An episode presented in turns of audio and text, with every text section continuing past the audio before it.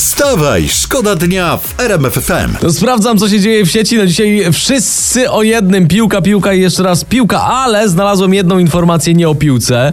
Mieszkaniec Rudy Śląskiej kupił w internecie telefon warty 7 tysięcy złotych za 5 tysięcy, więc piękna promocja.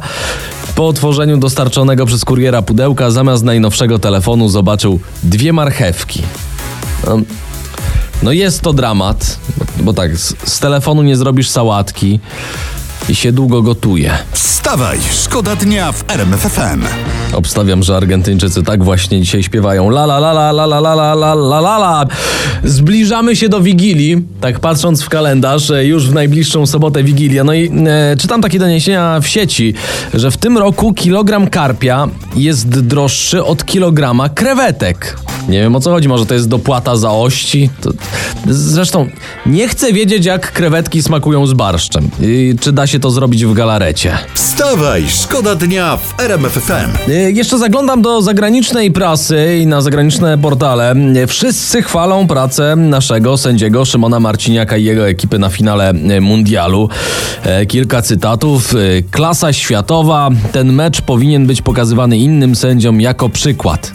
No, czyli oficjalnie y, możemy odnotować najlepszy występ naszych na mundialu. Wstawaj, szkoda dnia w RMF FM. Kto się jeszcze nie obudził, to teraz wam w tym pomogę. Przenosimy się do Argentyny, bo w faktach Tomek z Magdą puszczali argentyńskich komentatorów. No jest jeszcze jeden dźwięk, który myślę przejdzie do historii Argentyny. ¡Va Montiel! ¡Montiel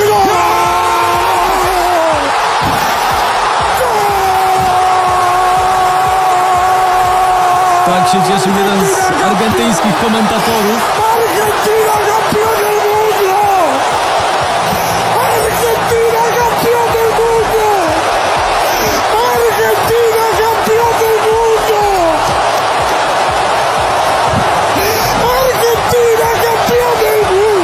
Argentyńczycy mogą to sobie ustawić na budzik.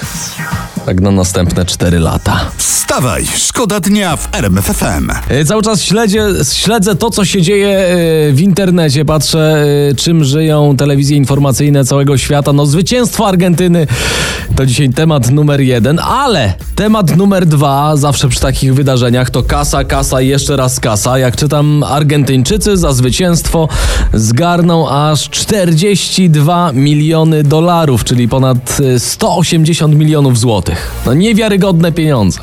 E, To są pieniądze od FIFA. To pomyślcie, ile premii musiał im obiecać argentyński premier.